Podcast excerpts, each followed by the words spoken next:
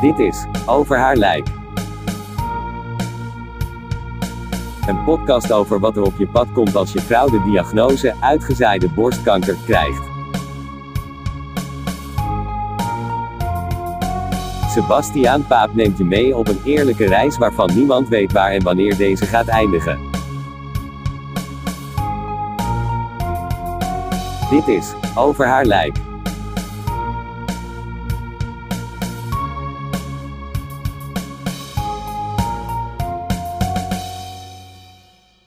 Hey, hallo en heel erg hartstikke welkom bij alweer de twaalfde aflevering van Over haar lijk.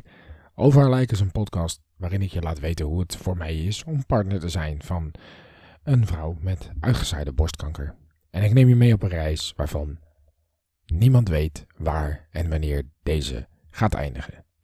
Mijn naam is Sebastiaan Paap en ik neem je heel graag mee ehm, op dat avontuur. Zoals je in de vorige aflevering hebt kunnen horen, is op 17 juni om kwart over vijf ochtends mijn vrouw helaas overleden. Ehm, het is iets geweest wat we aan zagen komen.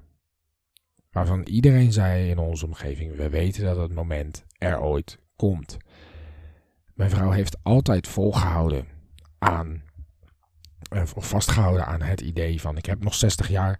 En dat heeft ze heel lang ook volgehouden. Maar op het eind ging het gewoon simpelweg niet meer.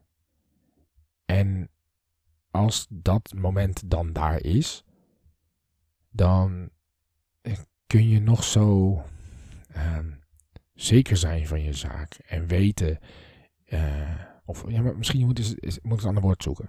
Um, voorbereid is misschien het juiste woord. Ik dacht, ik ben hierop voorbereid. Ik weet wat zij wil, ik weet wat er moet gebeuren. We hebben zelfs de muziek nog door kunnen spreken samen. Um, dat dacht ik. Ik dacht echt, ik weet wat er nu op me afkomt. Nou, dat wil ik vandaag even met je delen. Wat er dan allemaal op je afkomt. En wat er dan in een korte tijd allemaal geregeld moet worden. Daarover gaat deze aflevering. Want ja, ik dacht, ik ben wel voorbereid. Ik weet wat er moet gebeuren. Nou, dat had ik mis. Op het moment dat mijn vrouw overleed in het ziekenhuis, in het Erasmus MC in Rotterdam, um, kwam er een hoop op me af.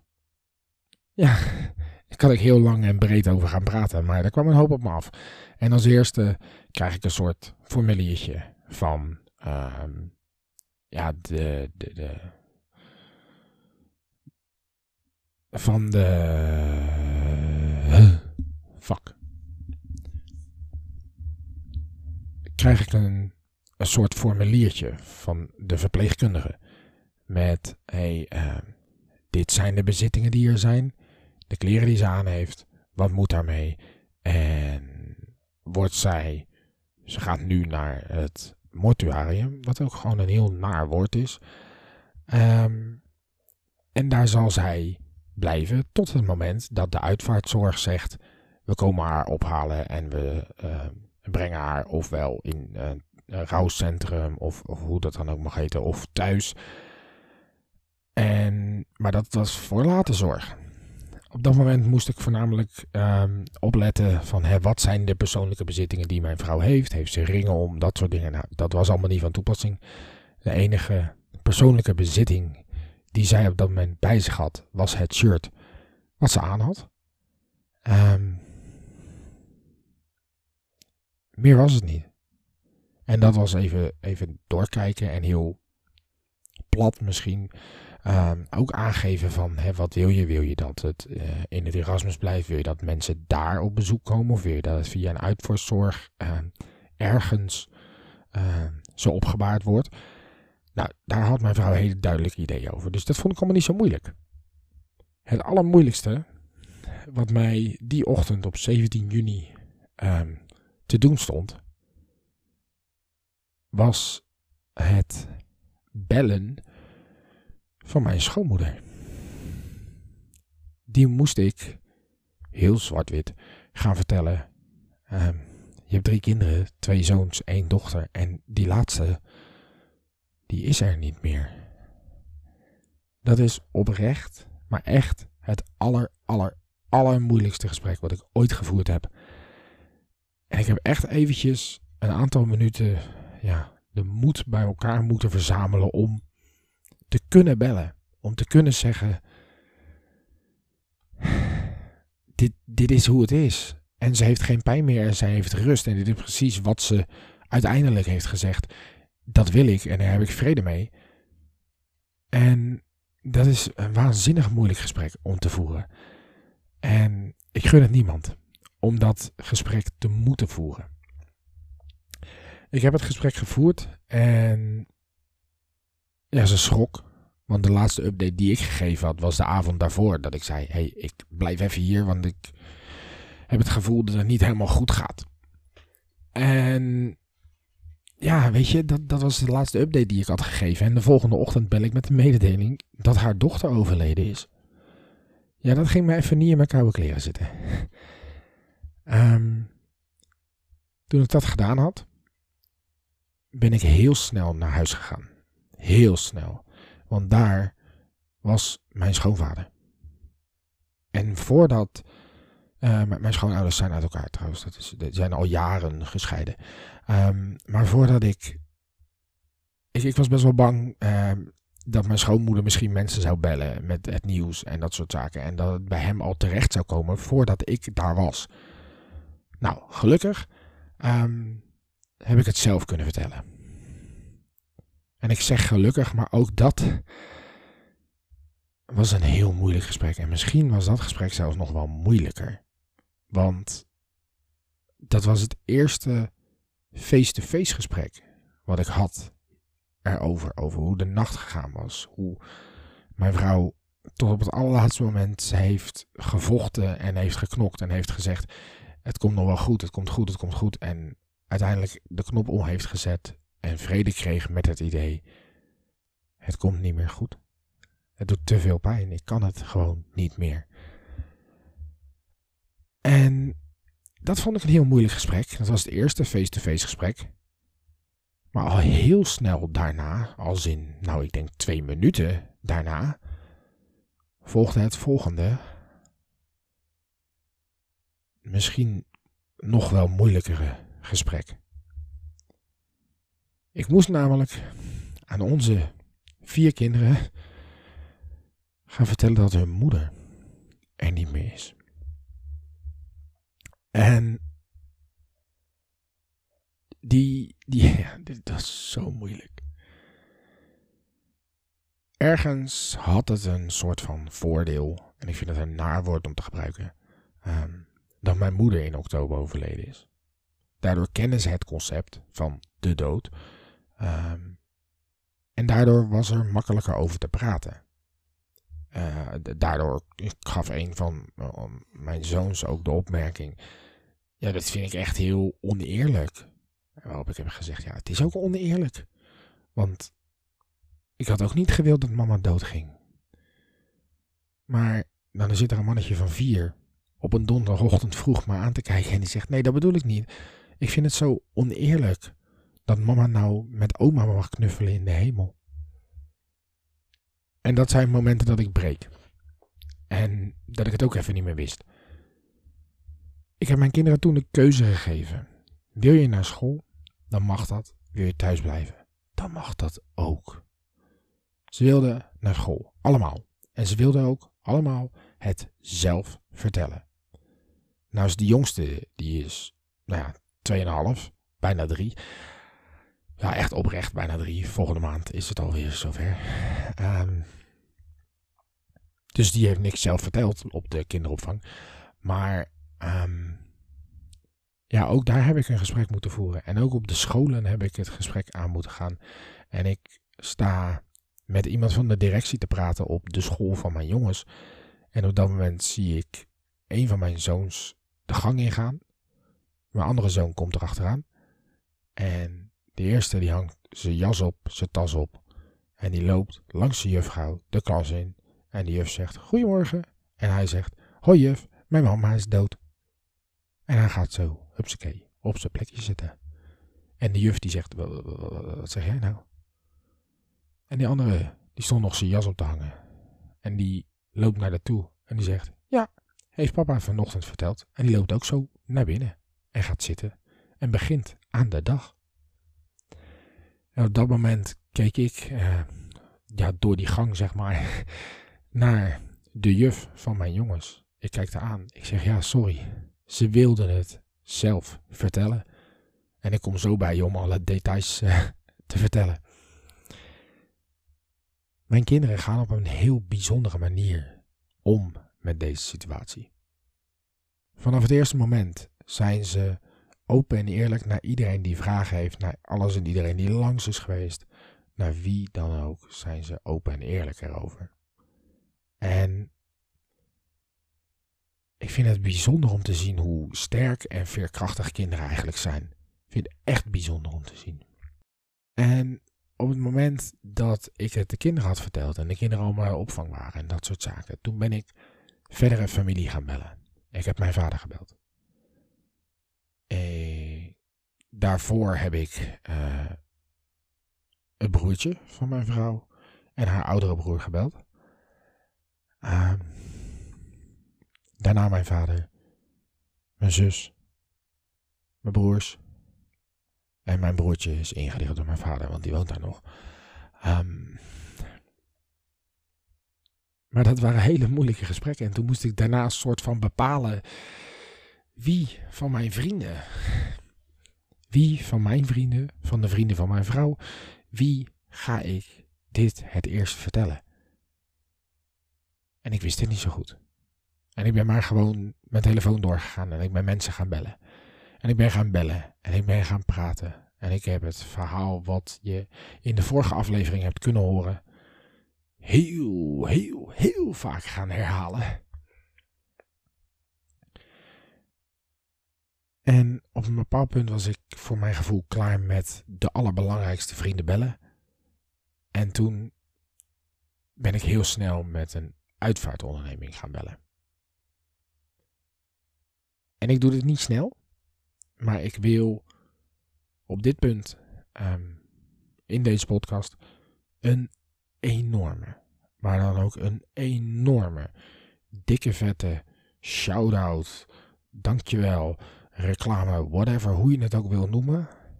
Sigrid Uitvaartzorg uit Zoetermeer. Ongelooflijk wat die in de dagen die volgden op het overlijden van mijn vrouw hebben weten te bewerkstelligen en wat ze voor elkaar hebben gekregen.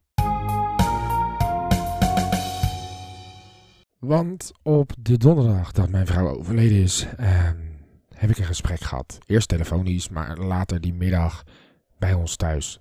Met de mensen van de uitvaartzorg. En die kwamen met z'n tweeën, waarbij eentje met mij het gesprek aanging over hoe was, uh, wat waren de wensen, wat kunnen we doen, waar gaan we heen, wat, gaan we, wat zijn de plannen.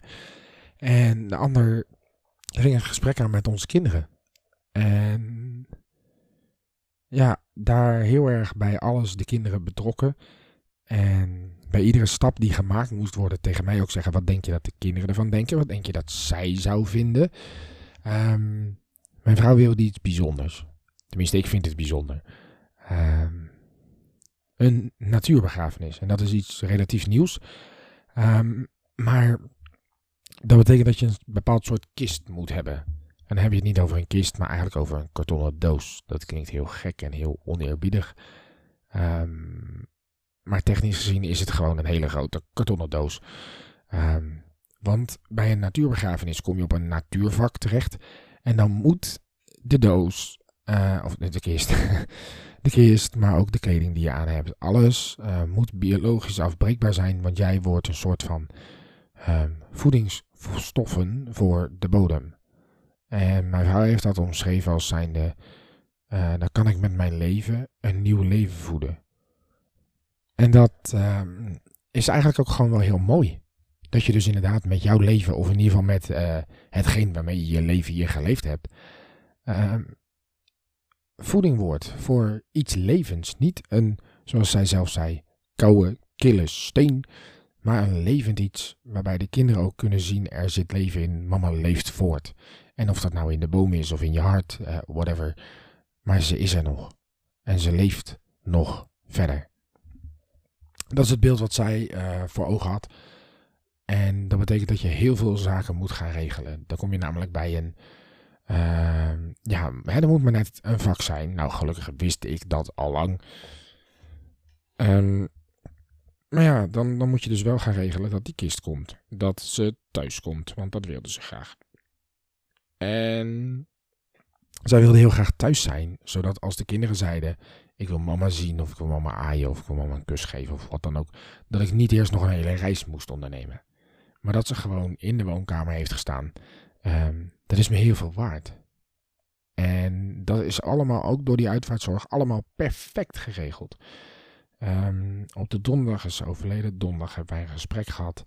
En op um, vrijdag kwam mijn vrouw thuis. Um, relatief laat op de dag, maar dat had alles te maken met het feit dat ik het financieel niet zo breed heb. En de uitvaartondernemer en mijn bewindvoerder moesten gaan zoeken naar. Hè, uh, er is een gat uh, tussen de kosten en het geschatte bedrag wat je kan uh, uitgeven. Nou, uiteindelijk was daar een gat van bijna 1400 euro. En ja, zijn er twee vrienden van mij geweest. En ik ga ze met naam noemen. Tim en Daphne. Uh, die op een hele fa fantastische manier een crowdfunding actie hebben uh, georganiseerd. En ja, dat was, dat was een geweldig iets. Dat is, dat is zo bijzonder geweest. Um, maar goed, op basis daarvan dat die crowdfunding er zou komen, uh, zei de bewindvoerder, nou weet je, als jullie verwachten dat het goed komt, dan geef ik mijn akkoord om de plannen die er zijn door te voeren. En die plannen waren niet moeilijk. Die plannen waren, uh, mijn vrouw komt thuis, wordt thuis opgebaard uh, en Ergens in de aankomende week is er een begrafenis op begraafplaats Hofwijk op het natuurvak. En nou weet je, dat, dat, dat zijn dan dingen die praktisch geregeld moeten worden. Maar bijvoorbeeld dan op vrijdagmiddag komt de kist binnen. En dan wordt het ineens heel echt. Um, het bed was ochtends al weggehaald. Daar heb ik wat mensen nog extra van moeten bellen. Um, maar dat was gelukt. En smiddags kwam de kist bij ons binnen. Die heb ik uh, samen met de leverancier, zeg maar, naar binnen getild. Um, en op de grond gezet.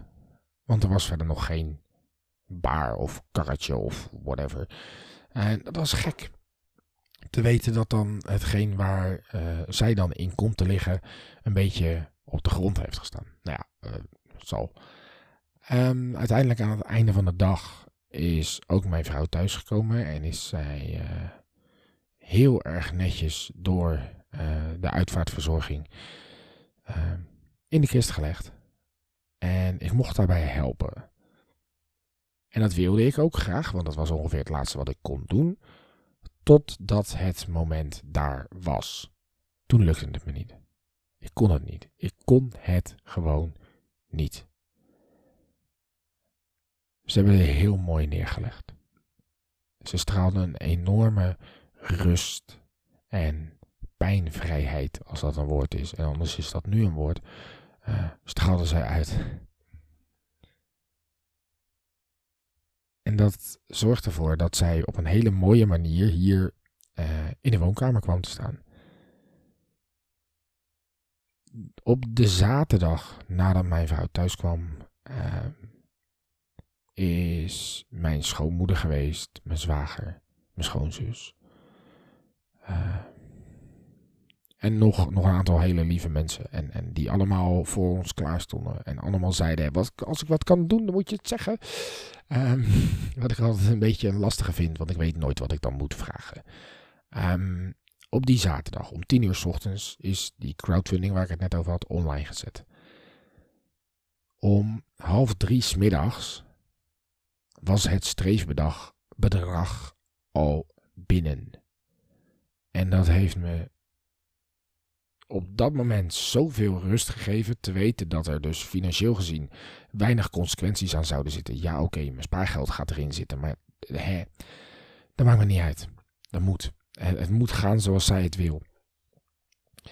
Die zaterdag is ook de uitvaartverzorger, verzorger, ehm, het team van de uitvaartzorg, langs geweest om de kaart door te spreken. En dat zijn dingen die ik het liefst al eigenlijk op die donderdag had willen doen. Maar ja, dat kwam gewoon niet, niet goed uit. Dat ging gewoon niet. En uiteindelijk is dat op zaterdag kortgesloten geregeld en gedaan. En dat, dat was te gek. Dat was fantastisch. Het ging allemaal alles. Ze hebben een, een ontwerp gemaakt voor een kaart.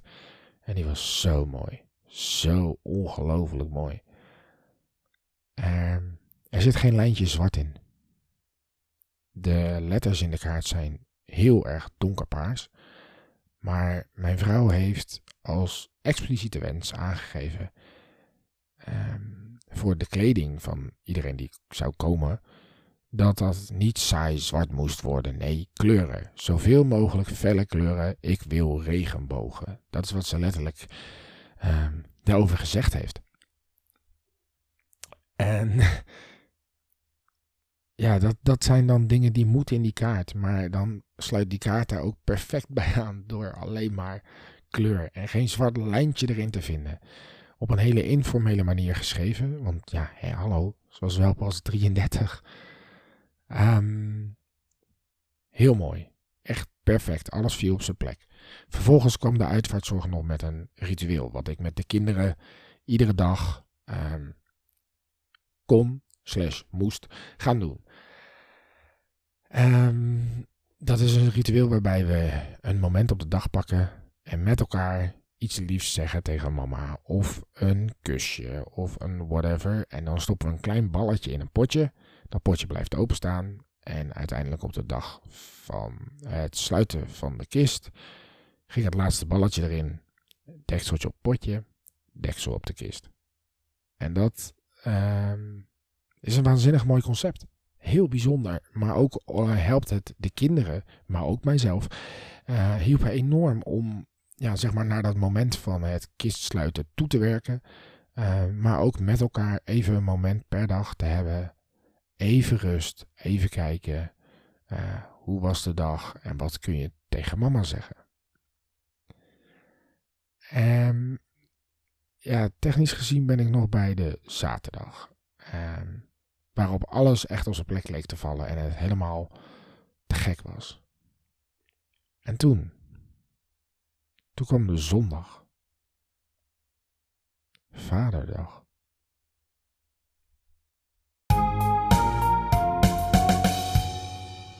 Ja, ik stip die zondag toch in het bijzonder aan. Omdat dat een dag geweest is, uh, vooral qua bezoek, wat heel raar ging. Wat een hele maffe dag was. En ik heb het eerder in deze podcast gehad over de geloofsvriendjes van mijn vrouw. En die heb ik natuurlijk ook het, het, ontvangen. Die hebben het bericht gehoord van mijn schoonmoeder, maar anders had ik ze zelf het echt nog wel laten weten. Uh, maar daar kreeg ik een berichtje van, van joh, uh, het is zo droevig allemaal en vinden het zo heftig. En uh, we willen heel graag, als dat mag, langskomen. Nou, uh, ja, mag. Laat ik sociaal doen. Ik zet mijn deur open, ik zet mijn huis voor je open. Kom maar. En op het moment dat zij die zondag zijn geweest, wilde ze heel graag een moment alleen, alleen. Ik zeg, dat gaat niet. Je zit met vier kinderen in huis. Uh, er loopt een, een hele fijne jeugdvriendin van Nathalie loopt hier rond. Uh, die, is, die was mijn halve keuken en mijn wc en alles aan het schoonmaken. En daar, daar wordt zij rustig van. Dus hey, mij hoor je niet klagen. Uh, dus, dus helemaal alleen, nee, dat kan niet. Maar uh, ik geef je de ruimte. Weet je wat, ik moet toch nog een tante van Nathalie even bellen. Ik ga wel even op balkon staan. Ik ga wel even bellen. Fijn, ik loop even de kamer uit. Ik ga bellen. Ze, ze gaan bidden en doen. En, en dat vind ik prima. Dat vind ik helemaal fijn. Helemaal goed. Um, maar vervolgens loop ik terug naar binnen. Uh, na dat telefoongesprek. En blijkt uh, dit uh, bijzondere drietal te zijn vertrokken. Zonder ook maar een woord tegen mij te zeggen.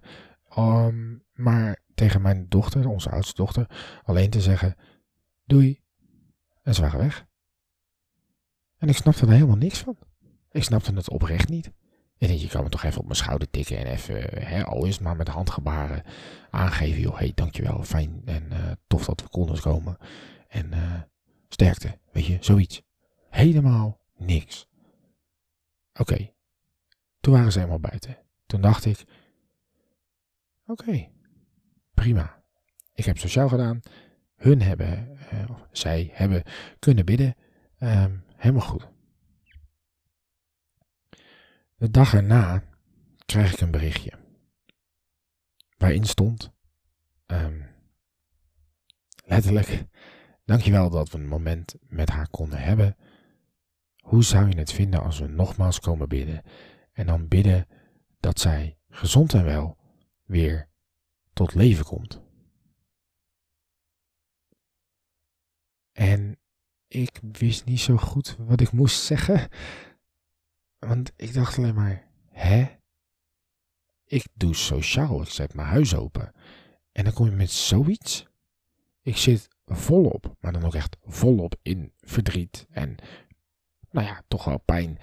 Uh, en, hallo, uh, hoe ga ik dit allemaal doen met vier kinderen? En mijn hoofd gaat alle kanten uit. Maar ik zit toch wel voornamelijk in de emotie verdriet. Ondanks dat, het, uh, dat ik weet dat het voor mijn vrouw beter is. En dat zij zich uh, erbij neer had gelegd en er echt vrede mee had. En dan kom je met zo'n voorstel. En ik werd zo ongelooflijk boos. Um, ik heb er op dat moment niet op gereageerd. Een uur later krijg ik nog een berichtje. Wil je hier wel nog even op reageren? Toen zei ik, ik kom hier morgen op terug. Het was een beetje een hectische dag, maar uh, komt goed. Toen heb ik nagedacht. Ik heb gedacht, ik ga niet eens reageren. Donder maar op. Toch uiteindelijk gedacht, laat ik dan maar degene zijn die uh, duidelijkheid schept. Dus ik heb gereageerd. En ik heb gezegd, joh, ik moest erover nadenken. Want het is niet een alledaags verzoek wat je hebt gestuurd. Um, ja, weet je, heel simpel. Ik weet het niet zo goed. Maar vooral dacht ik, en dat heb ik ook gezegd, laat het los. Laat haar los. En heb vrede met het feit dat zij nu bij de hemelse vader is. En ja, ik had die ochtend met mijn schoonmoeder gesproken en die uh, had dergelijke zinnen uitgesproken. Um, maar ik heb gezegd, heb daar vrede mee. En heb daar alsjeblieft net zoveel vrede mee als dat Nathalie, mijn vrouw, had op het moment uh, dat zij in het ziekenhuisbed lag. En zij wist, dit gaat niet meer. Zij heeft er vrede mee. Zij heeft eindelijk die rust kunnen vinden. En alsjeblieft, vind jij die rust ook en laat haar met rust. Laat haar los. Ah, fijn. Dat vond ik heel netjes verwoord van mezelf. Maar dat was moeilijk voor hun. En ik kreeg vervolgens terug dat dat. Uh, we, snappen het, kreeg ik terug. Um, ik hoop wel dat ik bij de uitvaart mag zijn. Nou ja, eerlijk. Ze waren ongeveer de laatste waaraan ik dacht om ook op het lijstje voor uitvaart te zetten. Daarbij zat ik nog met een hele hoop coronaregels. En ja, ik had maar plek voor 70 mensen. En dat heb ik ook zo inderdaad gezegd. Van ja, luister. Ik heb maar voor 70 mensen plek. Dat is inclusief ons gezin. Uh, kinderen tellen mee. Dus dat zijn er al vijf. Um, dan gaat het heel hard. Maar ik heb maar plek voor 70 mensen. Helaas, ik heb geen plekje. Snap ik? Uh, heb je wel de kaart voor me? Uh, een beetje een gekke vraag. Maar oké, uh, weet je wat? Ik, ik stuur de kaart. Ik, stuur een screenshot of, een foto, whatever. Van de voorkant en van de binnenkant. En niet van de kant waar de details staan over wanneer je waar verwacht wordt. Um, want heel eerlijk, en dat weet je als je deze podcast uh, al geluisterd hebt. Ik heb een beetje moeite met hun. Ik heb een beetje moeite met het feit dat zij um, zo fanatiek zijn uh, dat ze alle realiteitszin volledig uit het oog verloren zijn. En dat kan voor hun heel fijn werken. Dat is allemaal prima als dat voor hun werkt. Maar, weet je, nee, gewoon nee. Ik heb ehm, bewust niets gedeeld over uh, het moment dat wij afscheid gingen nemen.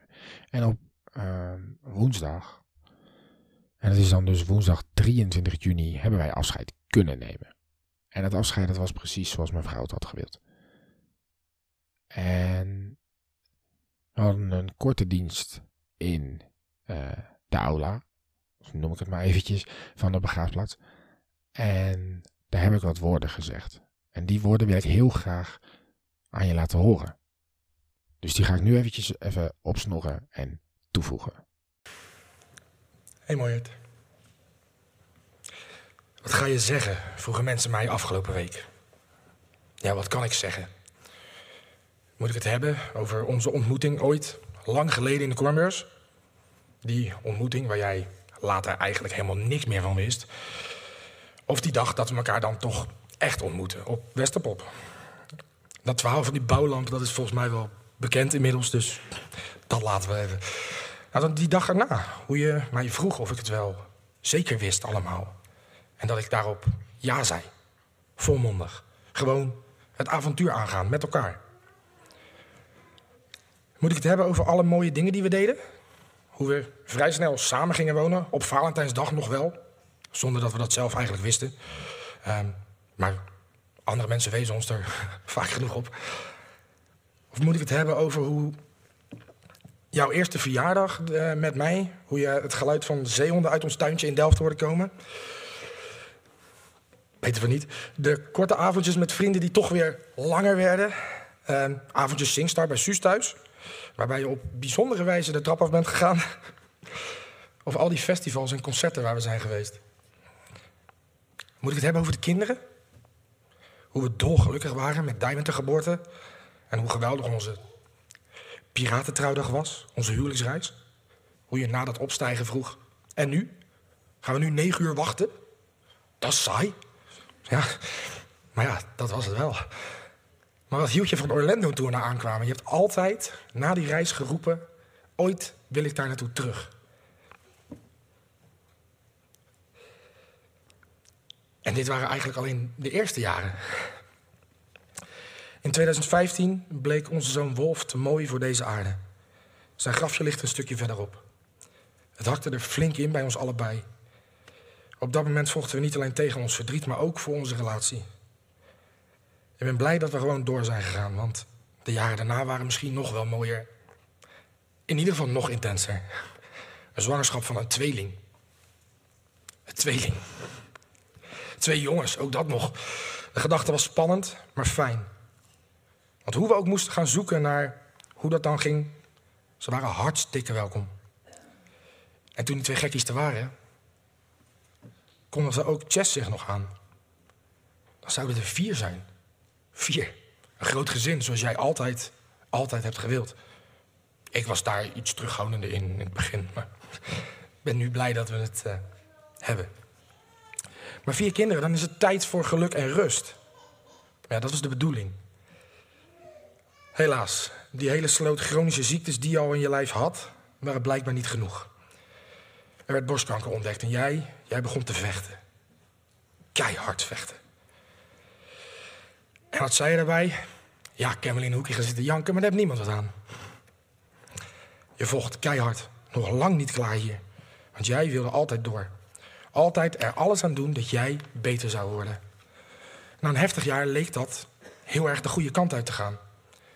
Maar augustus vorig jaar bleek er heel veel plekken in jouw lichaam dat er toch weer een strijd aan de gang was. En toch, waar menig een zou zeggen: joh, geef mij drie flessen sterke drank en ik ben er wel klaar mee. Wat kunnen we? Welke studie is er? Wat kunnen we allemaal? Je ging vol goede moed de strijd weer aan. Laat me maar even. Komt wel goed, joh. Ik ben opgehouden met te tellen hoe vaak je dat de afgelopen weken, afgelopen maanden gezegd hebt. Steeds als je pijn had. Als het eigenlijk gewoon niet ging. Als je gewoon even een beetje moe was. Maar dat even kwam steeds vaker. En na die periode waarin je keihard gevochten hebt, waarin je alle kansen hebt gepakt, ging het gewoon niet meer. Het was klaar, eindelijk rust. Geen pijn meer. Dat geeft mij een hele hoop rust. Naar mijn idee de kinderen ook. En heel veel mensen hier aanwezig ook. En tuurlijk hebben we verdriet en hebben we pijn. Maar jij hebt je rust. Als ik de afgelopen dagen één ding heb geleerd, dan is het hoeveel mensen jij in die 33 jaar dat jij hier hebt rondgewandeld, hebt aangeraakt. De verhalen die ik hoor. Ze gaan constant over hoe jij voor iedereen klaar stond. In alle situaties in jouw leven waren andere mensen belangrijker dan jezelf. Jezelf altijd wegcijferen. En zeker kinderen. Kinderen waren voor jou nog belangrijker dan wie dan ook. Onze kinderen, maar ook kinderen van anderen.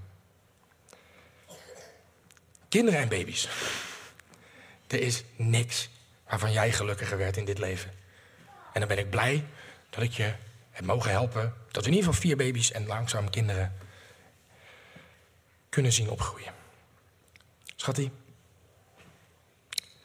veel plezier daarboven. Ik hoop dat je af en toe naar beneden kijkt. Nog een beetje, dat wij jou nog een beetje aan het lachen zullen maken. En dat je daarbij nog eens zo'n mierzoet wijntje drinkt met mijn moeder, die daar misschien af en toe om de hoek komt zeilen.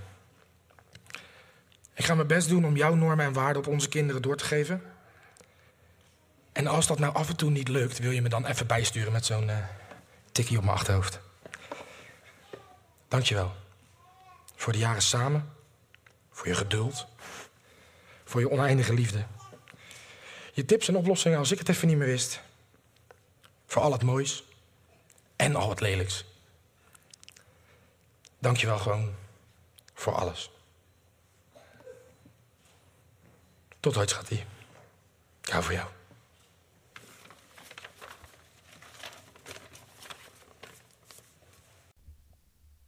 Ja, daarna volgde een, uh, een bijzonder muziekstuk.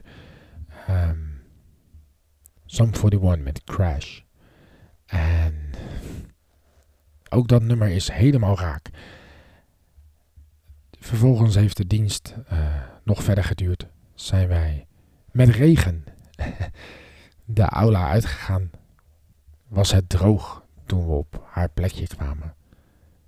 Hebben we met elkaar ook daar nog afscheid kunnen nemen. En heeft iedereen een prachtige gerbera, wat de favoriete bloem van mijn vrouw was, op de kist kunnen leggen. De kist bleef bewust uh, boven de grond. Um, daarna zijn in verschillende gradaties, zeg maar, de mensen vertrokken. En dan heb ik het dan eerst eens gradatie over vrienden, uh, verdere familie. Uh, dus dan hebben we het over tantes en dat soort zaken. Daarna uh, bleven broers, zussen uh, en ouders, zeg maar, van ons beiden uh, erbij. Daarna had ik nog een kort moment met mijn kinderen om de kist heen. En op dat moment zijn de kinderen die, die zijn na dat moment zeiden ze, hey opa, en die renden al naar opa toe en die, die gingen alweer zelf hun kant uit. En toen heb ik echt nog even een aantal minuutjes voor mezelf gepakt. En dat dat is vastgelegd door, door een fotograaf. En ik zal een, uh, in ieder geval de foto van mijzelf dat ik naast de kist van mijn vrouw zit. Die zal ik even delen op, uh, op Instagram. Um, omdat ik het een prachtig mooi plaatje vind. En het is de laatste foto van ons samen. Zo zie ik hem echt. Uh, dus die zal ik even op Instagram zetten. Um, waar het mij vooral om gaat is dat wij daarna... Natuurlijk gingen wij niet voor cake en slappe koffie in een of ander koffiekamertje. Nee, natuurlijk niet. Nee, mijn vrouw wilde naar de speeltuin. en speeltuin Levenslust in Rotterdam Overschie heeft daar waanzinnig in meegewerkt in die wens. Er waren heel, heel veel kinderen en die moesten lekker gaan spelen. Want de kinderen moeten het altijd goed hebben. Zo heeft mijn vrouw er altijd in gestaan en dus ook in de wensen voor haar uitvaart. Kinderen moeten het goed hebben en de volwassenen en de kinderen die niet willen spelen, kunnen op het terras met elkaar herinneringen ophalen en haar leven vieren. En dat uh, is gelukt. dat is enorm goed gelukt. Er was taart, er was uh, ja, een soort van gezellig samen zijn eigenlijk. En dat klinkt heel gek. Maar er waren zoveel mensen die ik eigenlijk uh, ook niet verwacht had. Maar het klopt allemaal. Alles viel op zijn plek. Alles was perfect. En ik heb op een bepaald punt gestaan dat ik met de taart van binnen naar buiten liep. En ik keek rond en ik zag mijn kinderen overal en nergens tussen zwerven. Ik zag allerlei kinderen die ik in ieder geval van gezicht een beetje kende. Um, en ik zag een aantal mensen op het terras van de speeltuin. En we stonden daar met z'n allen. En ik dacht alleen maar, ja, dit is precies, precies hoe ze het wilden hebben. Alles is die dag helemaal perfect op zijn plek gevallen. En wat ik zeg, de uitvaartzorg vanaf het eerste telefonische contact tot het laatste moment dat ze weg is gegaan. Hoewel daar ook een stukje uh, nazorg nog in zit. En dat krijg ik nu nog steeds. Um, maar gewoon, ja, echt alles. Maar dan ook alles klopte aan die dag. En ja, weet je, het voelde gewoon goed. En in die speeltuin brak ook het zonnetje nog eens door. En op het moment dat mijn schoonmoeder naar huis ging, zei ze... Het leek op bepaalde punten wel een verjaardag. Ik zeg precies, daar ging het om. Het leven vieren met elkaar. En de kinderen moeten het goed hebben. Die moeten lekker kunnen spelen. Nou, dat hebben ze gedaan. Enorm. We hebben het afscheid in kunnen richten, zoals zij het wilde. En ik ben daar heel erg dankbaar voor. En het was heftig, tuurlijk was het heftig, maar ik ben in alle stappen zo waanzinnig goed begeleid. En ja, er zijn een aantal dingen, alles, eigenlijk alles, maar het is zo goed gedaan. Uh, het plekje wat uitgezocht is en, en, en de hele dag hoe die verlopen is. En op het moment dat er eh, punten waren waarvan ik dacht, hé, hey, uh, uh, die zijn er niet eens geweest. Er zijn geen punten geweest waarvan ik dacht, hé, hey, dit hadden we anders afgesproken. Nee, Sigrid Uitvaartbegeleiding uit Zoetermeer, ik zeg het toch nog een keer, heeft ongelooflijk, ongelooflijk mooi kwaliteitswerk geleverd in een kort tijdbestek. En ik weet dat ze daar ook voor betaald worden. Maar ik weet ook dat mocht ik onverhoopt een keer gaan, ehm, en zij doen dit werk nog en zijn zelf niet al ofwel overleden ofwel met pensioen, dan, dan weet ik wie het voor mij moet gaan verzorgen. Gewoon het warme gevoel, het warme bad waarin ik terecht ben gekomen, maar ook alle mensen buiten de uitvaartzorg om. Uh, begraafplaats Hofwijk, uh, Foto van de Graaf, Fotozaak in Rotterdam, die op het allerlaatste moment nog een groot formaat familieportret print zodat het op de kist mee kan. Speeltuin, levenslust in, in Rotterdam. Die, die in alles, maar dan ook alles heeft meegewerkt. Uh, Mark en Suus die voor de taart hebben gezorgd. Tim en Daphne die de crowdfunding uh, op hebben gezet, maar ook een aantal keer de kinderen hebben opgevangen. Uh, Ilse die, die op, op punten heeft klaargestaan. Ik wilde dit niet doen. Ik wilde geen namen noemen. ik doe het toch. Manuela die ongelooflijk mooie foto's heeft geschoten van de uitvaart waanzinnig mooi. En, en daar ook, ook echt, echt bizar goede foto's. En dat het ook een, ook een, een tastbaar iets, een, een fotoboek heeft uh, geregeld. Wat voor de kinderen een, een, een, een iets kan zijn waar ze later altijd op terug kunnen kijken. Van hoe was dat dan? En, en ja, zoveel mensen die, die klaar stonden, die er waren, die uh, Barry, Roy, Sonja. Um, en, en dit is precies waarom ik dit niet wilde. Um, um, weet je, zoveel mensen. Zoveel namen. Zoveel mensen die ik eigenlijk moet bedanken. Dat ik het gewoon niet meer weet. En ik noem er nu een paar. Maar ik weet ook dat ik, dat ik er nog heel veel vergeet. En en dat vind ik jammer. Um, ik zou bijna een soort lijst willen opstellen met uh, de mensen die de uitvaart mede mogelijk gemaakt hebben. Um, ook dat kan. Ook die is er een soort van. Er is namelijk toen een, een, uh, er is een doneeractie geweest. En in totaal, dat is misschien nog wel even goed om mee af te sluiten. In totaal heeft die doneeractie drie keer het doel behaald. Met als resultaat dat de bewindvoerder heeft gezegd: hey, je spaargeld hoeft niet aangesproken te worden. Ik heb zoveel donaties voorbij zien komen van mensen die ik niet kende. Ik heb zoveel kaartjes gehad van mensen die ik eigenlijk niet kende, maar die mijn vrouw in haar leven heeft geraakt, op wat voor manier dan ook. kaartjes, berichtjes, eh, mensen die langskwamen, mensen die met praktische dingen kwamen, namelijk eh, de bloemen of whatever. Wat moet er nog geregeld? Ik ga ervoor zorgen, komt allemaal goed. En mensen die op het moment dat het nodig was, er waren en, en zorgden dat alles, maar dan ook alles wat die dag moest gebeuren, op de juiste manier gebeurd is. Ik heb op een hele, hele fijne en warme manier afscheid kunnen nemen van mijn vrouw. En nu heb ik je dit allemaal verteld. En heb je dit allemaal gehoord. En nu heb je misschien vragen. En als je die hebt, schroom niet. Stel ze gerust. Twitter en Instagram, Sebas van de Radio. Kan altijd. Stel je vragen.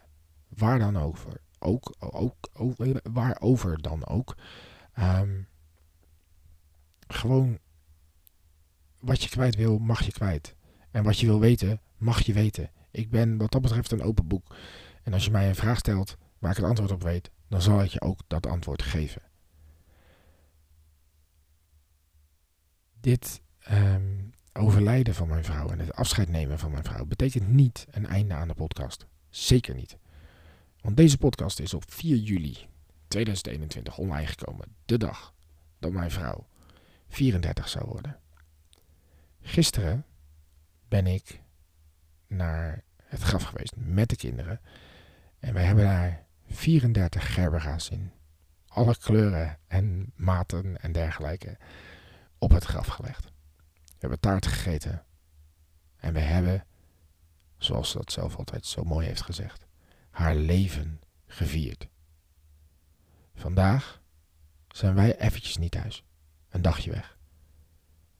Namelijk mama's verjaardag vieren in Duinrel. En dat is te gek. Het feit dat het kan en dat er mensen zijn die hebben gezegd: Hier, je krijgt van mij de kaartjes. Heb je ze maar alvast. Ja, waanzinnig. Zo dankbaar voor zoveel ongelooflijk mooie mensen die hun. Uh, die zich van hun allerbeste kans, kant laten zien. In, in de afgelopen weken zoveel mooie dingen gezien en gehoord. Ik ben heel dankbaar. Dankbaar voor die mensen. Maar ik ben ook dankbaar voor jou als luisteraar. Want je hebt de hele tijd naar mij geluisterd.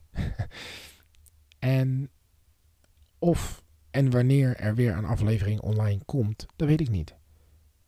Ik weet dat ik dit wilde vertellen en ik wil dit dan misschien de voorlopig laatste aflevering noemen. Maar ik, het zou zomaar kunnen dat ik over een tijdje zeg: hé, hey, er is iets met dit onderwerp. Of er zijn zoveel vragen binnengekomen dat ik ze niet meer alleen maar per. Uh, uh, niet meer alleen maar wil, wil behandelen online. Maar dat ik ook vind dat ik een soort van antwoorden moet geven op veelgestelde vragen in een nieuwe aflevering. Dat kan, dat weet ik niet. Ik weet niet hoe het gaat lopen. Ik weet één ding. En dat is dat ik deze podcast constant als een soort uitlaatklep heb gezien voor mijzelf. En dat voelt goed. Het is fijn om te weten dat ik dit gewoon kan maken. En of er nou niemand luistert, of er luisteren heel veel mensen, dat maakt mij niet uit. Het is een soort therapie voor mezelf en het is misschien een baken van herkenning voor mensen die in een soortgelijke situatie zitten. En als jij in een soortgelijke situatie zit, en al is het 2034 dat je dit hoort, maakt niet uit. Je kunt mij via Sebas van de Radio op Instagram en Twitter. En misschien hebben we dat in 2034 helemaal niet meer. Maar dat is voer voor iets anders. Um, je kunt me altijd berichten. En ik zal je altijd een antwoord sturen. Voor nu. Op deze 4e van juli in 2021. De 34ste verjaardag van Nathalie Brigitta Arida Paap Masmeijer. Dankjewel voor het luisteren. En wie weet, tot de volgende.